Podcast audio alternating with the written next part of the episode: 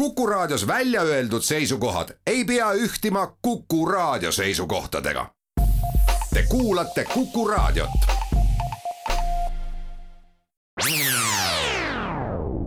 Restart.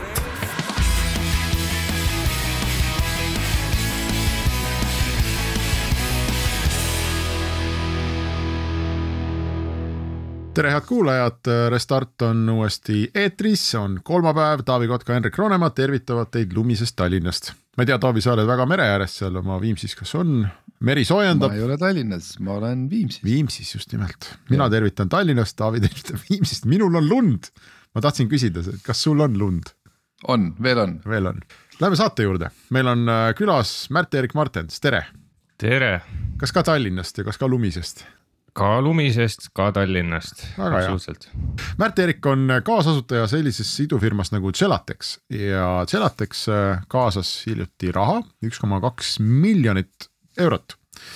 mida ma ei tea, kas on vähe või palju ja millega nad üldse tegelevad ja kes raha andis ja mille jaoks ja et sellest me kõigest siis kavatseme järgmised kolmveerand tundi rääkida aga ma arvan, alustuseks oleks kohane sul paluda Märt ära rääkida, et mida Gelatex teeb ja äh,, Shelatex on materjalitehnoloogia ettevõte, kes äh, tegeleb siis äh, uudsete materjalide, nanofiibriliste materjalide arendamise ja tootmisega.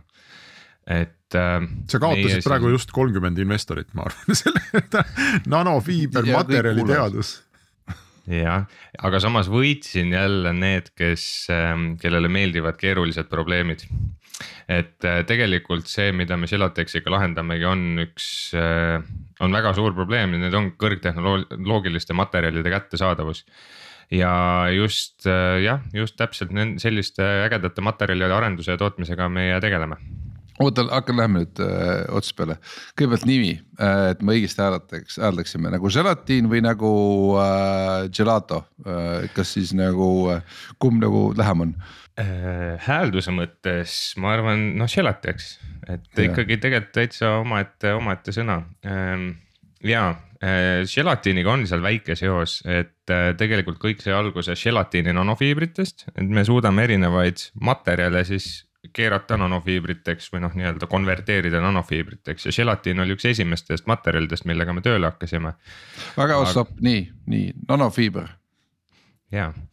See kõlab nagu võlusõna, vaata, see kõlab nagu mingi Bitcoin ja. või, või, või see blockchain. nii juuksekarv, juuksekarv on nano nii. juuksekarv ei ole nano, aga juuksekarv suht väikene, eks ole, fiibrikene ja nüüd kujuta ette, et sul on juuksekarva teed veel sada korda peenemaks ja siis me jõuame enam-vähem sinna nanodiapasooni eh, ehk siis nanofiibrid on juuksekarvast sada korda väiksema läbimõõduga fiibrid ja. fiiber on neid... siis toruke.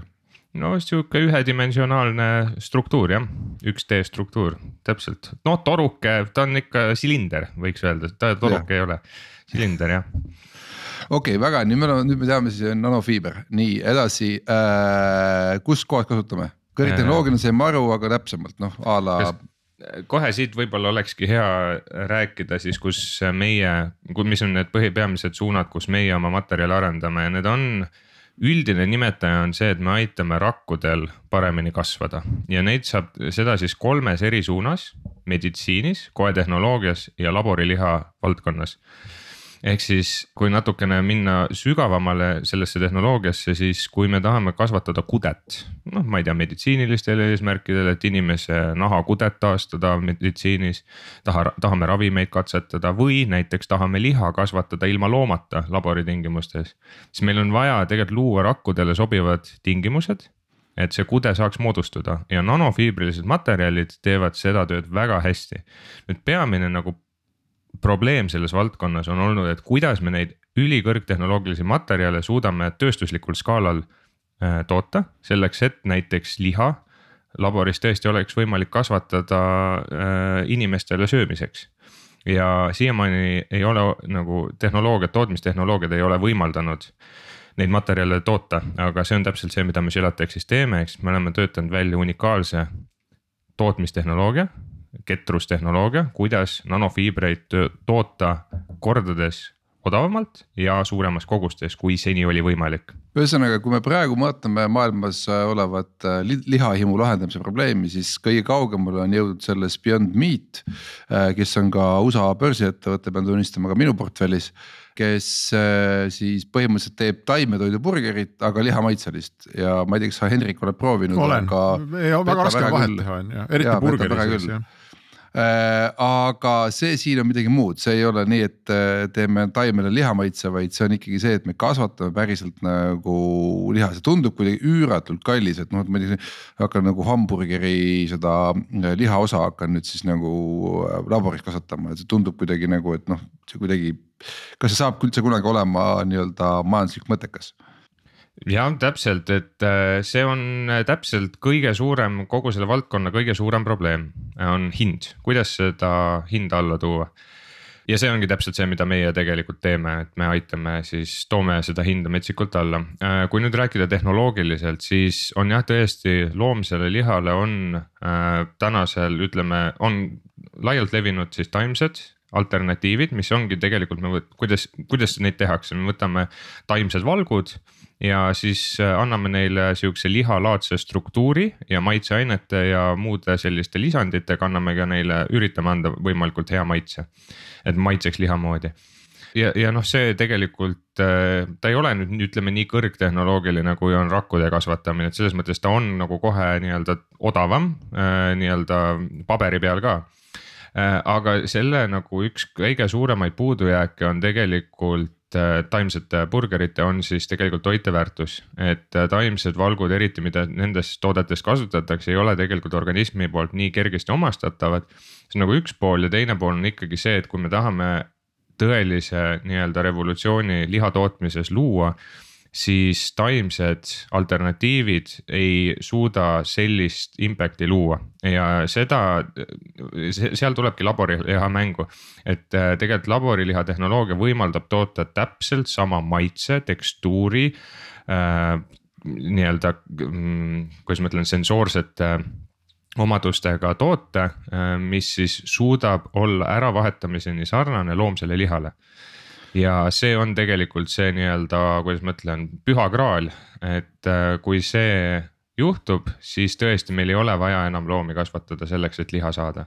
aga Oota. samas me saame kõik need äh, head omadused, mis on loomsel lihal, me saame kätte, on ju meil on raadiosaade, mistõttu õudselt raske on kuulajale näidata, mismoodi see kõik käib, aga kui sa mõtlen, et nagu noh, kui sa natukenegi nagu nii-öelda meie seda äh, kujutlusvõimet äh, siin nii-öelda torgiks sihukese peene, peene nõelakesega, et. et mismoodi me seda endale ikkagi nagu ette peate, peame kujutama, et noh, et, et a la, et äh, oma nende nanofiibritest te loote mingi sihukese, noh, ma ei tea, mingi sihukese noh võrgustiku, noh, ütleme nagu kalavõrgu ja siis sinna külge kinnitub mingi asi ja hakkab sealt järjest kasvama nagu põhimõtteliselt kasutada sedasama võrgustikku nagu tugielemendina. või no ühesõnaga, oskad sa natukene meile ette kujutada, mida see tähendab, et see kasvab seal see liha nüüd? Jaa, absoluutselt, et äh, alu-, ma võin isegi natukene veel algusest äh, alustada, et äh, kõik siis saab al-, alguse mõnest rakust, mis siis võetakse biopsiaga äh, loomalt, eks ole, täiesti mit-, noh, ütleme nii-öelda niimoodi, et loom elab täitsa rõõmsalt edasi. sa võid võtta väikse rakuportsu äh, lehmalt, sa võid võtta ka sellelt mingilt ulukilt Ähm, on ettevõtteid, kes äh, arendavad ka labori äh, seda, mis on siis jaanalind, ostrich jah.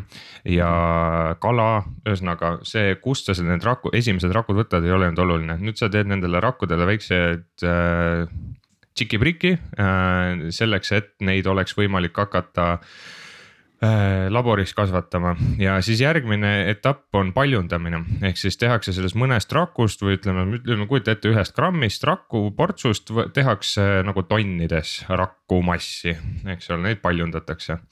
ja nüüd sul on tulemuseks selline äh, ütleme sihuke pasteedilaadne mm, struktureerimata mass mis on juba tegelikult lihale päris sarnane, aga seal puudub see struktuur ehk siis sul on hunnik lihasrakku, lihasrakke vulbivad ringi. Ja nüüd seal tulevadki meie materjalid, need raku kasvu substraadid tulevad mängu, ehk siis, et anda nendele rakkudele struktuur, äh, selleks kasutataksegi näiteks meie materjale kus siis sa paned rakud sinna mater-, meie materjali peale kasvama, need on tegelikult 3D materjalid mik mikrotasandil, ehk siis rakud saavad sinna sisse ilusti pugeda. Nendele see keskkond on väga tuttav, nad tunnevad ennast nagu kodus ja hakkavad seal moodustama lihaskudet. ja, ja, ja, ja siis tegelikult nendest rakkudest saabki kude meie materjalide abiga. Vot, aga ma just hiljuti äh, tutvusin sarnase materjaliga. Kas mul on õigesti meeles või kas see jutt on õige, et äh, selle nagu laboris nagu päris liha moodi liha tootmiseks, see vist on see, millest sina räägid, on vaja mingisugust äh, eripagana kallist ainet, mida saab lehmaloodetest või mingisugune, mingi seerum, ilma milleta ei ole võimalik teha ja mida siiamaani, nagu ma aru saan, ei ole olnud võimalik ka asendada mingit tehislike ja neid ühe burgeri sisse pidi minema, ma ei mäleta, a la tuhande lehma seerum või midagi sellist ja see oli, ütleme, kui see valdkond, vot see on natuke vananenud info tegelikult, et ähm, äh, jah, sa nüüd sa räägid rakutoidust, kui meie materjal annab rakkudele kodu ja sobivad tingimused, siis rakkudel on vaja lisaks ka süüa. ja siiamaani ja mida ravimitööstuses palju kasutatakse vaktsiini tootmisel ja nii äh, samades, samas nii-öelda tehnoloogias äh, kasutatakse jah, siis tõesti sedasama ollust, millest, millest sa rääkisid. Seal on siis vajalikud toitained selleks, et tõesti rakku, rakke nagu plahvatuslikult paljunema panna, eks ole. Aga on olemas mitmeid ettevõtteid, kes on juba töötanud välja raku kasvu, tähendab raku siis selle meedia. Äh, selle rakustoidu, äh, mis on täiesti, äh, mis on täiesti loomse komponendi vaba. ja seda, neid samu aineid, neid samu väga kalleid komponente on võimalik tegelikult toota ka näiteks Neid näiteks vilja äh,, kuidas ma ütlen siis äh, vil, vili, me mõtleme näiteks nisu, eks ole, kui sa teed geenmuundatud nisu, siis sa võid nisu programmeerida äh, to,, panna tootma neid samu väga kalleid aineid. Ja tegelikult on väga palju juba ettevõtteid, kes on läinud nii-öelda serum free media peale, ehk siis see tähendabki sellesama ainevaba meedia äh, ja see on täiesti äh, saavutatud. Nii et Kuule, aga... see tege-, see on, see on selles mõttes, see oli, see oli kõige suurem äh, challenge juba kümneid aastaid, et kuidas me suudame ilma selle komponendita tõesti rakke kasvama panna, millest sa rääkisid, aga see on lahendatud tänaseks. aga, selles mõttes seda esimest peatükki kokku võttes äh, jällegi, et see kujutlusvõime inimestel oleks nagu äh, arusaadav, et. et kuidas see liha nagu tonnides kasvab, on ju, et noh, et, et äh, ma vaimusin seda esialgu kujutasin ette, et noh, umbes nagu noh, a la sul on nagu A3D printer kuskil kastis nagu valmib ja küpseb vaikselt sul sihuke nagu äh, sisefilee on ju. aga see tuleb juba, kasvabki küpseks sa mõtled. ja aga, aga ma saan aru, et see tegelikult on ühesõnaga, äh, oled sa nagu päriselus näinud ka seda, kus ta tõesti valmib siis nii-öelda tonnidena, et noh, et, et äh, millist aparaati või millist analoogi me peaksime ette kujutama, et saaks aru, mismoodi see liha kasutamine käib siis jah, meie ise seda ei tee, et meie materjali ja lihakasvatajad on siis täitsa sellele spetsialiseerunud ettevõtted mhm. mm. -hmm. ja kuidas seda tonnides tehakse, noh, esimene etapp, see rakkude paljand-, paljundamine käib siis bioreaktoris on ju, see on sihuke, sihuke fermentatsioon, võib mõelda nagu fermentatsiooni sihuke tünn. kus siis rakud sees kasvavad, see on selline esimene faas, see paljundamise faas. nüüd järgmine faas, see, kus nagu rakkudest saab liha käntsakas, lihatükk selle, see on siis nii-öelda selline maturation faas nimetatakse, ma ei oskagi eesti keelde, küpsemise faas võiks yeah. öelda, kus rakud küpsevad koeks, eks ole. selle, seda nagu sihukesel tööstuslikul skaalal äh, keegi veel ei tee, äh, peamiselt sellepärast, et äh, noh, see valdkond on nii uus ja me oleme ka tegelikult alles alustamas, et et aga eesmärk on jõuda siis sinna, et sul on masin, kujuta ette, sul on selline masin, kuhu sa lased ühest torust lased rakkusid sisse rulli pealt jookseb meie materjal äh, sinna sisse ja siis seal toimubki see liha küpsemine niimoodi aeglaselt, täiesti autonoomselt. ilma mingisuguste, selles mõttes mingite haigustekitajaid seal ei ole, seal on täiesti puhasruumi tingimused, eks ole. ja tulemuseks ongi siis selline lihatükk, mis sealt välja tuleb või siis liha sihukene liini peal nagu liha selline kahe sentimeetri paksune. okei okay,, ma tahtsin küsida, et kui paks, et kaks senti. ja, ja ei, see on, see on kõik lihalatakas nagu lihalatakas ja liha okei okay, kuule, me oleme esimene, esimene saateplokk on läbi, teeme siin pausi ja me oleme sammukese lähemal uh, uut tüüpi burgeritele. nii et loodame, et saate lõpuks on meil burgeri koos.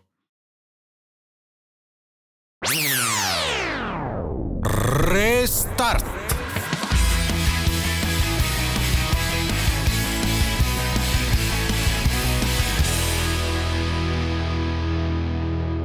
Restart jätkub ja meil on külas Celatex, selle kaasasutaja Märt-Erik Martens.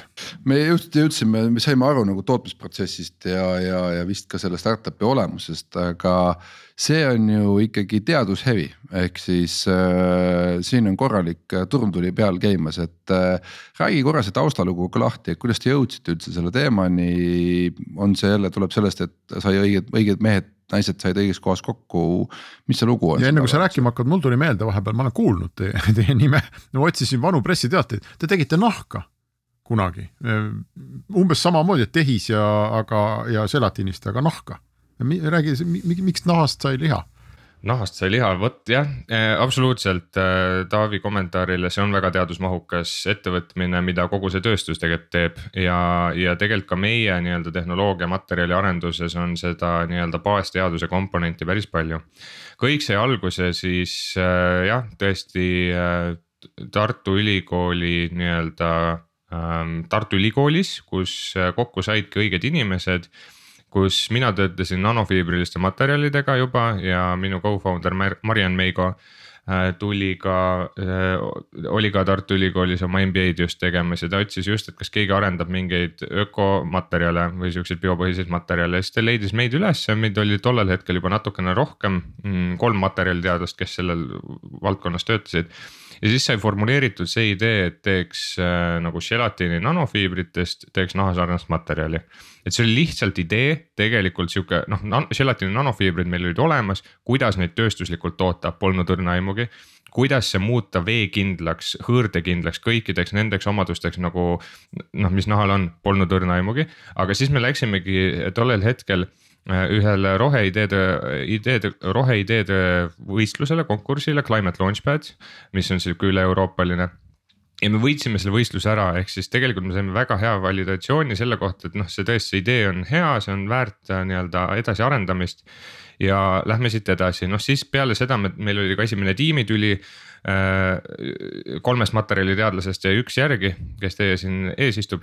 ja, ja Marianniga me kokku jäime ja hakkasime siis edasi arendama ikkagi noh, nii-öelda tootestama seda, seda ideed. Äh, ees kõige suurem väljakutse, mida me pidime lahendama, oli see, okei okay,, isegi kui me selle materjali valmis saame, me peame aru saama, kuidas me seda nagu tonnides, kilomeetrites seda nahasarnast materjali toodame.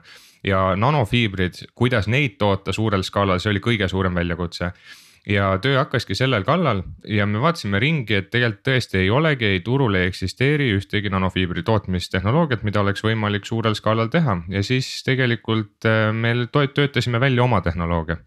mis on ka nüüdseks nii-öelda patenteeritud ja, ja mil, mis ongi nagu kõige suurem väärtus Gelatexis. me tegime ka väga head äh, arendustööd ka siis sealt edasi, et kuidas neid gelatiini nanofiibreid muuta siis äh, keskkonnale vastupidavamaks. aga me jõudsime tegelikult väga heade juba lahendusteni, et tegelikult kui natuke guugeldada, siis päris ägedaid pilte on äh, leida ja tegelikult see materjal oli juba sihukene tugev, vastupidav, aga seal oli ikka teatavaid tehnilisi väljakutseid, seal oli turu väljakutseid moetööstus on kõigile kõigile soovitan moetööstusesse mingit innovatsiooni tuua, see on see, see on, see on tegelikult väga keeruline.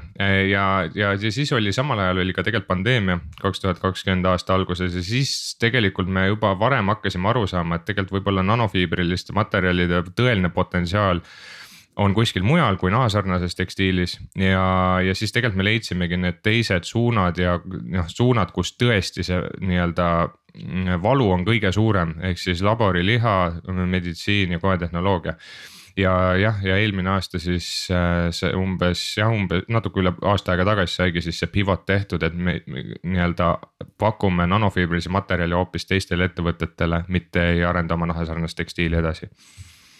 Äh, räägi korra sellest materjaliteadusest, et äh, see on muidu üks valdkond, mida ma olen alati vaadanud Tartu Ülikoolis kui ma ise õppisin kakskümmend aastat tagasi, see tundus selline nagu noh, igavuse tipp ja ütleme ausalt, ega siin konkurentsi väga ei olnudki tollel hetkel, et. et noh, umbes nii, et kuskil mujale sisse ei saanud, siis läksid materjaliteadlaseks, tänapäeval tundub see nii, et. et noh, iga mees teeb juba IT-d on ju, et, et tahab midagi erilisemat teha ja, ja, ja vingemat silma paista ja, ja uut startup'i ehitada, et siis mine õpi ikkagi nagu materjaliteadust on ju, et. et räägi korra sellest ainest, julged sa üldse promo teha või see on ikkagi nagu sihuke igav valdkond? Ma täiega julgen promo teha, sa tead, see, see ei ole, seal on, tahab, sa tahad, see tahab kannatust saada, see on küll ja tõelist sellist missioonitunnet. aga miks minu jaoks materjaliteadus, minu endal on materjaliteaduse taust ja vaata, kui sa, kui me vaatame ajalukku natukene, äh, sellised suured hüpped ühiskonnas, noh, kui me mõtleme näiteks arvutid. me mõtleme näiteks plastikud noh, millest see kõik on alguse saanud, innovatsioonist materjaliteaduses, siis peale seda, kui innovatsioon materjaliteaduses on tehtud, on avastatud uued materjalid, pooljuhid mm. -hmm. ja siis järgmine samm on suur, suur hüpe nii-öelda terves ühiskonnas, et arvutid said võimalikuks, transistorid, eks ole et äh, see oli ka tegelikult, mida mina, miks mina materjaliteaduses äh, sisse läksin, et ma nägin, et tegelikult kõik suured äh, nii-öelda muutused, kui sa tahad tõesti midagi suurt ära teha siis see tuleb nagu, see tuleb väga baastasemelt, teadusest ja see tuleb just materjali innovatsioonist.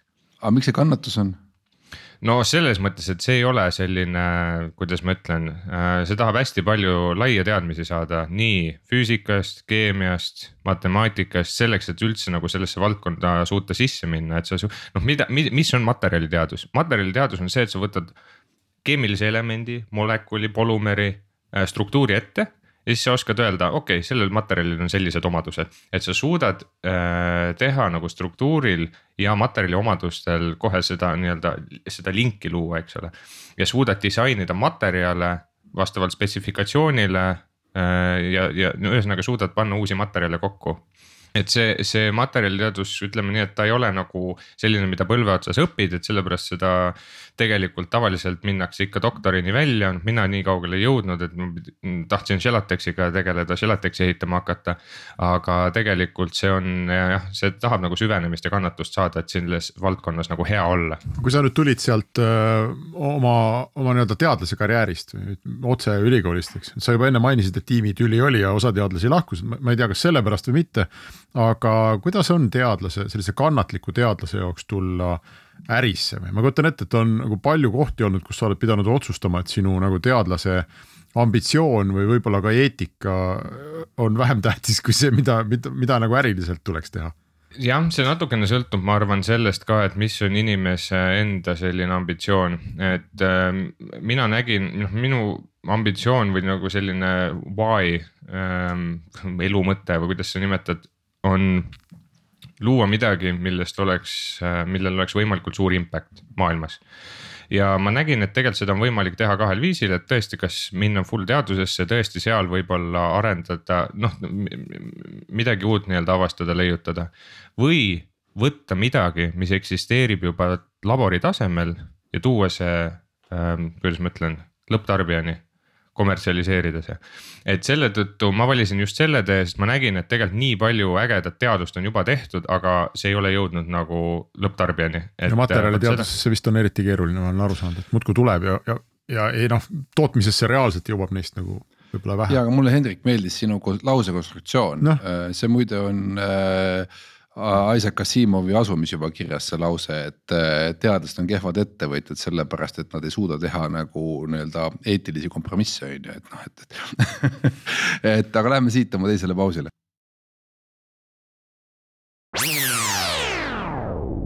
Restart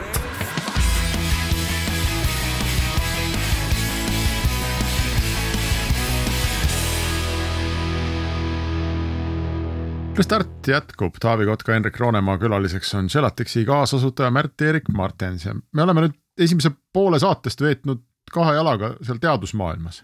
et oleme aru saanud, mis te teete ja kuidas liha kasvatatakse ja kuidas üldse on teadlasena firmat teha. aga lähme siis selle äripoole juurde äkki ka. Ehm, seda, et te raha kaasasite, sellest me võime ka rääkida, aga alustaks. mul on Hendrik üks praktiline küsimus, et äh, mina, kes on ikkagi äh, osad jupid keres on pärit äh, Brasiilia veistelt on ju, et äh, siis äh, kui kaugel me täna päriselt oleme selle koha pealt, et ma noh, nii-öelda ei pea laenama enam nagu äh, sedasama loomset elementi mõnelt Brasiilia loomalt, vaid päriselt nii-öelda siis prinditakse minu mõõtmetega ja minu vajadustega täpselt see õige õige jupp valmis, et kas me oleme sellest kümne aasta kaugusel, viie aasta kaugusel, kolme aasta kaugusel? esimesed tooted on juba turul, see on Singapur on see piirkond, kes esimesena maailmas, kuidas ma ütlen, seadusandlusliku poole pealt lubas laboris kasvatatud liha turule. see liha, mis seal müügil on, on esiteks saadaval suhteliselt väikses koguses ja see on selline hübriidtoode. Äh, selline, toote nimi on siis need kananagitsad äh, ehk siis, äh, mis juba tegelikult isegi kui meil on tavaline kananagits, noh, see ei ole liha tegelikult et see toode siis, mis seal Singapuris turul on, on siis äh, suur osa on seal loom-, taimset komponenti ja siis seal on nihuke näpuotsatäis rakkusid juures, et anda see just see liha maitse ja see on nagu esimene toode, mis tegelikult juba launch iti eelmise aasta detsembris, kui ma õigesti. ja, aga see on liha, aga ma just mõtlen nagu elundi. Taavi tahab saada endale võib-olla uut elundit. ma tahan siia südamesse endale uut juppi saada, on ju. aa, sa tahad endale saada, okei okay,, siis me räägime ja vot selle, vot jah, okei okay,, organite kasvatamine siis äh, äh, organismi väliselt jah, seda, see on bioprintimine on täitsa sihuke erinev tehnoloogia, osad üritavad ka liha printida sellesama tehnoloogiaga, et see on minu hinnangul, ta ei ole nii skaleeritav, et toitu sellega toota. lihtsalt sellepärast, et see printimise aeg on nii aeglane, et kui sul kaks-kolm tundi läheb ikka steigi printimiseks, siis see on, seda on liiga palju.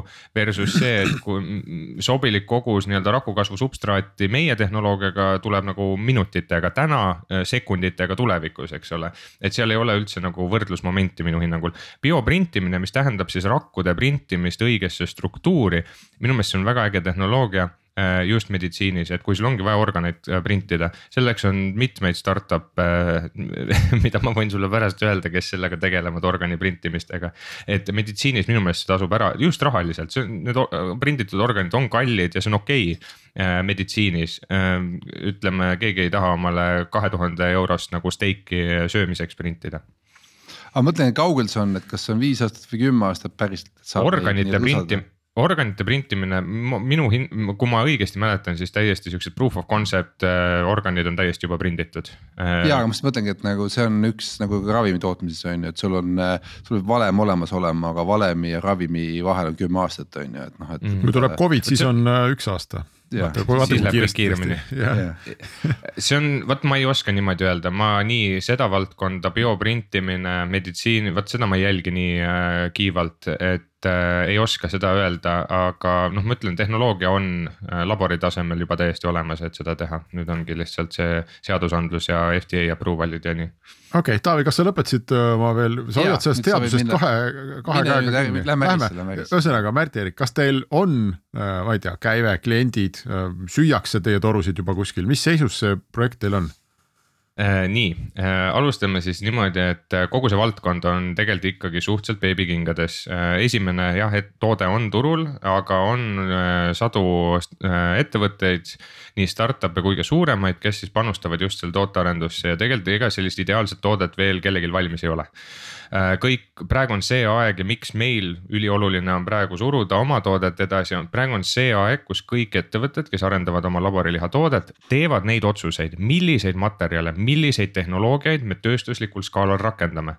ja selle tõttu on väga oluline saada äh, võimalikult paljude lihade retseptidesse sisse ja see on see täpselt, mille kallal me väga töötame. ma võin niimoodi öelda, et meil on, kui me võtame kümme kõige kõvemat laboriliha ettevõtet, noh noh, võtame, järjestame, siis kaheksaga nendega, kaheksast nendega me teeme koostööd juba ehk siis äh, ka osadega labor, nihukesel väga-väga mikrotasemel, ütleme siis katseklaasi tasemel, osad juba kasutavad bioreaktoris meie materjale.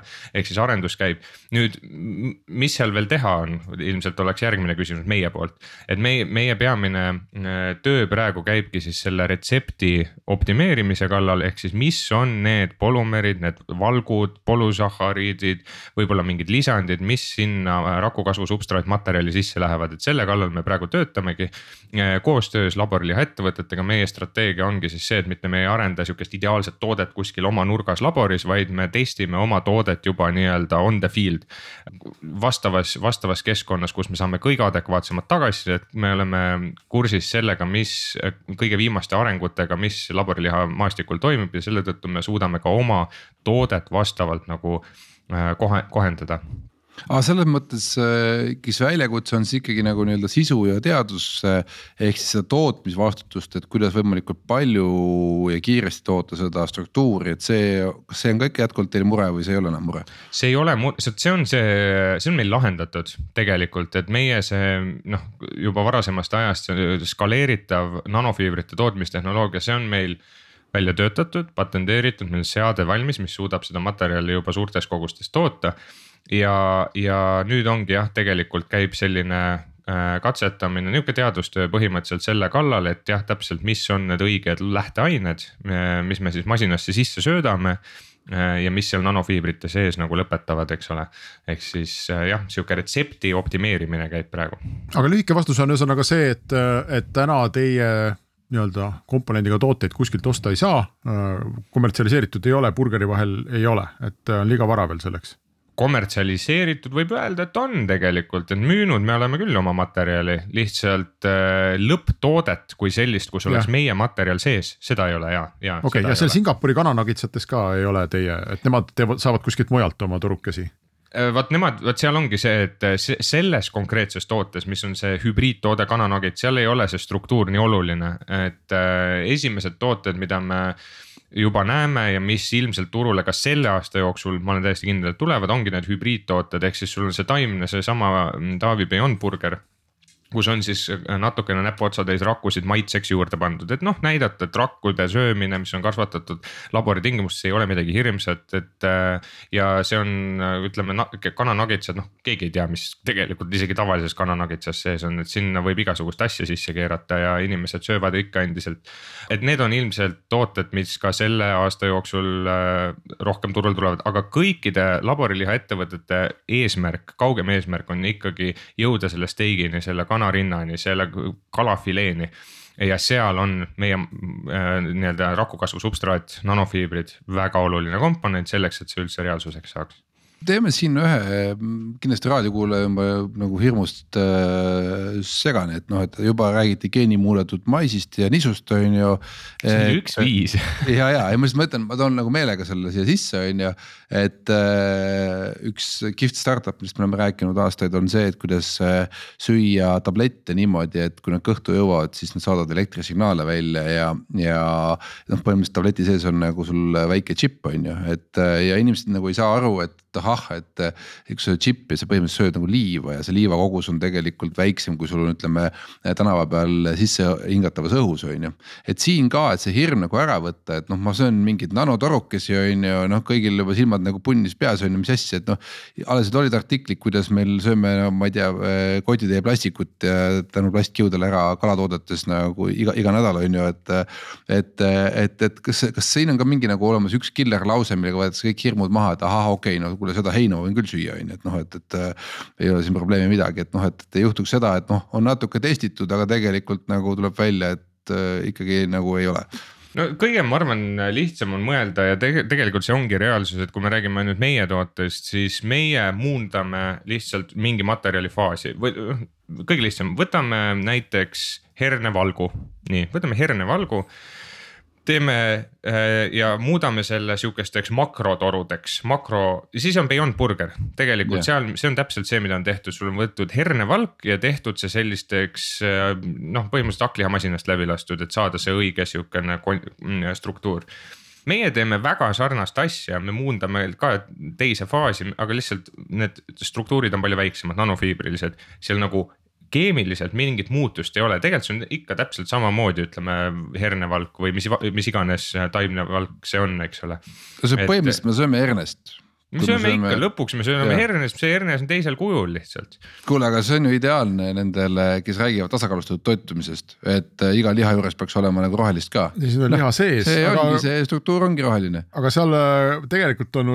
vist ju palju veel õudsam küsimus või kui võib nagu ette kujutada, et nüüd sul see rakk nagu või no mitte rakk, vaid palju rakke kasvab kuskil, eks ja moodustub selline hakkliha toode, aga, aga nad on ilma noh, laiema organismita, et ta on lihtsalt see lihas ise ja nüüd, kui kuskil seal õhus keegi, keegi korra aevastab, eks ole, ja tekib mingisugune viirus, kes noh, immuunsüsteemi ei ole ju sellel rakul, kes lebab seal kuskil niimoodi päikse all, et jumal teab, mis sinna, mis seal sees äh, kombineeruma hakkab. ma ütlen niimoodi, äh, see see kogu laboriliha tootmine saab ainult olla võimalik ülipuhastes tingimustes, kus sul ei ole patogeene, sul ei ole haigustekitajaid. teistmoodi see ei ole võimalik, keegi isegi ei, ütleme nii, et sellist ohtu, et sul on mingi hapuks läinud liha seal, mis on kuskil äh, haigustekitaja kokku puutunud, see ei ole võimalik, see lihtsalt, see ei saa juhtuda, sa, sul sul, sul jääb kogu protsess seisma, nii kui sul üks haigustekitaja sinna lendab, ehk siis see on nagu noh, kuidas ma ütlen,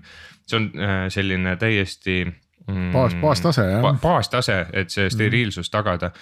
kui me mõtleme tavalis-, see ütleme, tavaline loomne liha, mis me omale igapäevaselt inimesed sisse söövad, see on seitsekümmend protsenti sellest lihast on kasvatatud niimoodi, et loomad on täis nuumatud antibiootikume, mis tegelikult lõpetavad meie nagu kehas, eks ole. siis laboriliha tingimustes sul ei ole vaja, kuna sul on tingimused juba nii steriilsed, sul ei ole seal mingeid patogeene haigustekitajaid ja kuna see kogu tootmine, rakkude kasvatamine, lihaskoe tekitamine ja pakendamine käib kõik nii kinnises süsteemis et siis seal ei ole üldse variantigi, et äh, seal midagi halba saaks juhtuda. olgu, teeme pausi ja lühike viimane lõik on kohe varsti teie ees. Restart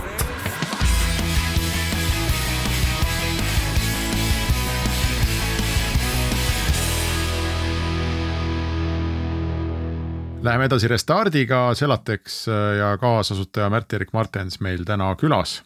Tallinnas on esimene lumi maas ja vaatasin, sotsiaalmeedia oli täis äh, pilte nendest õnnetutest robotitest, mis ei suutnud lumega to toime tulla, Starshipi omad.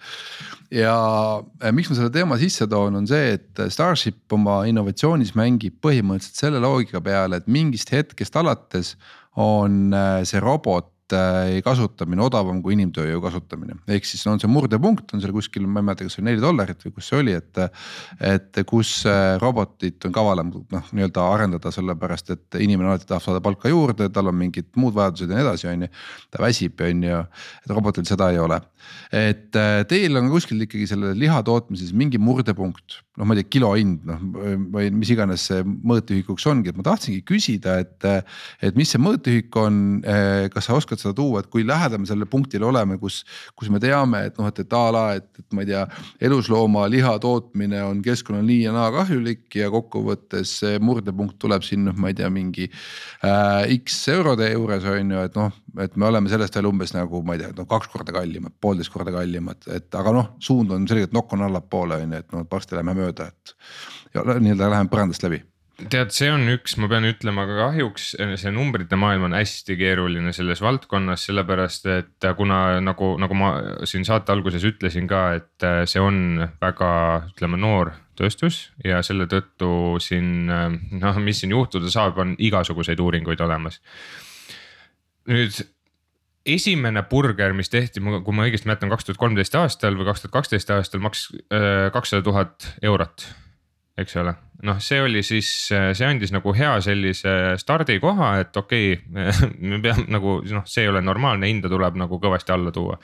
nüüd täna kõige ja, ja, ja seal ongi põhimõtteliselt kaks või ütleme kolm olulist komponenti, mis siis seda hinda määravad, üks on seesama rakukasvu substraat, mille hinna meie oleme rohkem kui üheksakümmend protsenti alla toonud võrreldes eksisteerivate tehnoloogiatega teine on see rakutoit, mis on juba mõned ettevõtted väidavad, et nad on suutnud selle kuskilt viiesajalt eurolt kahe euro peale tuua.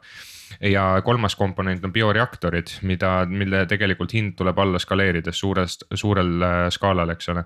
nüüd, kui me toodame siin võib-olla, ma ei tea, kakskümmend kilo nädalas näiteks või sada kilo nädalas, siis tegelikult see hinna kõikumine nii suur või no hinnaalandus nii suur ei ole tõeline minu hinnangul on see, noh ja need numbrid on täiesti spekulatiivsed, aga minu hinnang on see, et kui me juba suudame kuskil äh, mingi kaks kuni viis protsenti loomsest lihast vahetada lab-grown meat'i vastu, siis tegelikult see hind on juba konkurentsivõimeline loomse lihaga. kui see, äh, kui see kogus, see osakaal läheb juba üle kümne protsendi, üle kahekümne protsendi, siis tegelikult ta läheb juba, see laboriliha läheb odavamaks kui loomne liha ja tegelikult on täpselt sama kvaliteediga või isegi paremaga, noh, meil ei ole antibiootikume seal näiteks sees. et äh, see, kui hästi laboriliha lendab, sõltub väga suuresti, mis skaalal me seda toodame. nii meie kui ka tegelikult need laboriliha ettevõtted, eks ole. ja kui äh, kiiresti turg selle toote omaks võtab väga hea, räägime korra sellest investeeringust, et äh, kes investeeris, kui palju ja kus maal te üldse olete omadega seed A, B, C, D round? ja see round oli siis seed ring, meie esimene tegelikult nihuke equity investeering, kuigi noh, kaks tuhat üheksateist aastal me käisime Techstarsi kiirendis USA-s. et seal me tegime nihukese väikse pre-seed ringi miks täna ja just nüüd me tundsime, et on äh, õige aeg raha nagu just VC-delt raha kaasata, on puhtalt sellepärast, et me nägime, et nüüd on, äh, meil on see baas, just see tootmine, see suur mure on lahendatud. ja me oleme valmis nüüd nagu nii-öelda jooksma ja selle tõttu me otsustasime ka raha kaasata investoritelt. Ähm, me meelega võtsime rahulikult, sellepärast et selliste teadusmahukate startup'ide väga suur nagu võib-olla viga, mida tehakse, on see, et kaasatakse riskiinvestorid liiga vara pardale. ja antakse liiga palju osalust ära ja seal, kui jõutakse lõpuks sinna seed A, B ringi, siis tegelikult noh kogu ettevõte on investorite käes ja tegelikult founder itel pole enam mingit motivatsiooni ettevõttega jätkata. et meie meelega alguses toetusimegi peamiselt grantidele, igasugustele võistlustele, equity free rahaga, rahale ja nüüd alles otsustasime raha kaasata äh,. investorid on Eestist, on ka, on ka Rootsist, üks investor on ka Brasiiliast just sellel põhjusel, et seal on väga palju lihatootjaid, konventsionaalse lihatootjaid siis. ja, ja tegelikult ka said mõned ingelinvestorid pardale toodud nii Soomest kui ka Saksamaalt, nii et küllaltki rahvusvaheline sats on meil okay,. aga mõtlengi, et summa oli. üks koma kaks miljonit. ja lead investor oli Change Ventures ja Crosslight okay. Partners okay., kaks lead, äh, lead investor, noh jah, kaks lead investorit oli meil mm. -hmm. kas see, Taavi, kui kaua see selline investori jaoks normaalne periood on istuda, viis kuni seitse aastat või? no fond äh, tuleb, fond peab oma tulemuse tooma, kui me oleme fondi ära teinud, eks siis fond peab tulemuse tooma noh, üldjuhul seitsme aastaga mm, -hmm. siis antakse veel üld noh, lisaks tavaliselt kolm aastat armuaega selleks, et siis nii-öelda viimased otsad kokku tõmmata, aga ütleme niimoodi, et äh, kõik peab olema maha müüdud üldjuhul kümnendaks aastaks ehk siis äh, ja noh, Change tegelikult on juba olnud turu peal ka, ma pakun vähemalt kaks-kolm aastat, nii et.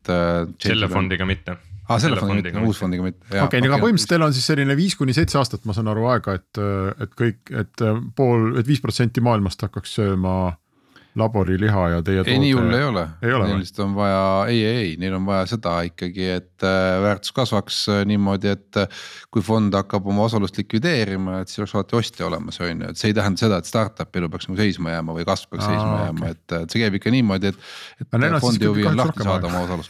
ma lootsin, ma saan talle panna aasta, viis aastat ette või, või seitse aastat ja öelda, kas sa tõesti usud, et seitsme aasta pärast viis protsenti inimesi maailmas sööb laboriliha? seda eesmärki üldse ei olegi vaja, et küsimus ongi see, et mida nagu noh meil on täna eh, autotootmise ettevõte, kes pole ühtegi autot tootnud ja on kallim kui Volkswagen on ju, et noh, et millest me räägime, on ju, et noh, et, et. et selles mõttes ei ole vaja üldse midagi ah,. okei okay, nagu, usku on vaja, usku on vaja. ja usku on vaja, et see asi on õige jah. jah, Märt, teil on usk olemas, ma saan aru, et meil on usk olemas ja kaugem visioon, kaugem visioon tegelikult on kasvatada Gelatex selliseks juhtivaks materjalitehnoloogia ettevõtteks, kes siis pakub mitte ainult laboriliha ettevõtetele oma materjale, vaid ka teistesse meditsiini, koetehnoloogia, filtratsiooni, energia salvestamise valdkonda, kus tegelikult igal pool on seesama suur mure. et meil on vaja tegelikult odavaid nanofiibreid, mõistliku hinnaga nanofiibreid ja see on see probleem, mida me noh, fundamentaalselt täiesti baasteaduse tasemel oleme lahendanud. ja kus me suudame kõige suuremat nagu impact'i tuua, et, et jah jah, tegelikult laboriliha on lihtsalt see, kus me näeme kõige suuremat valu, kõige suuremat potentsiaali endale. ja kus, kus see impact lõpuks on kõige suurem, kui mida on võimalik maailmas teha. aga väga positiivne, meie saade on läbi, ma tahtsin veel küsida, kas sa ise oled söönud oma seda liha kasvõi tükikese niimoodi või, või ei ole maitsnud? oma materjali muidugi olen, see, mis läheb sinna nii-öelda ja, ja, ja seda. mis kujul see on, kas see on ka mingi plöga on või on see vatt, mingi? ei, ta on siuke vatt nagu või ah. noh, selline jah. okei okay., aga liha seal sees, ma saan aru, ei ole olnud, et sa ei, oled lihtsalt ei, seda selle, vot ma ei ole saanud. ei ole midagi, vaata kui normaalne inimene paneb kotleti ümber äh, jahu on ju, enne panni peale. ja siis tema paneb seda. tema paneb vati sisse ja siis. Pole üldse, pole üldse. küll tahaks, küll tahaks olla nende inimeste nimekirjas, kes saavad Gelatexit jõulupaki, et seal on siis õõgvein piparkoogid ja siis sellist kahtlast vatti, mille võib tegelikult ära süüa aga nüüd me oleme juba saate lõhki rääkinud, aitäh kõigile kuulajatele, aitäh äh,, aitäh kõigile osalejatele, soovime palju jõudu ja kohtume nädala aja pärast. aitäh kutsumast. Restart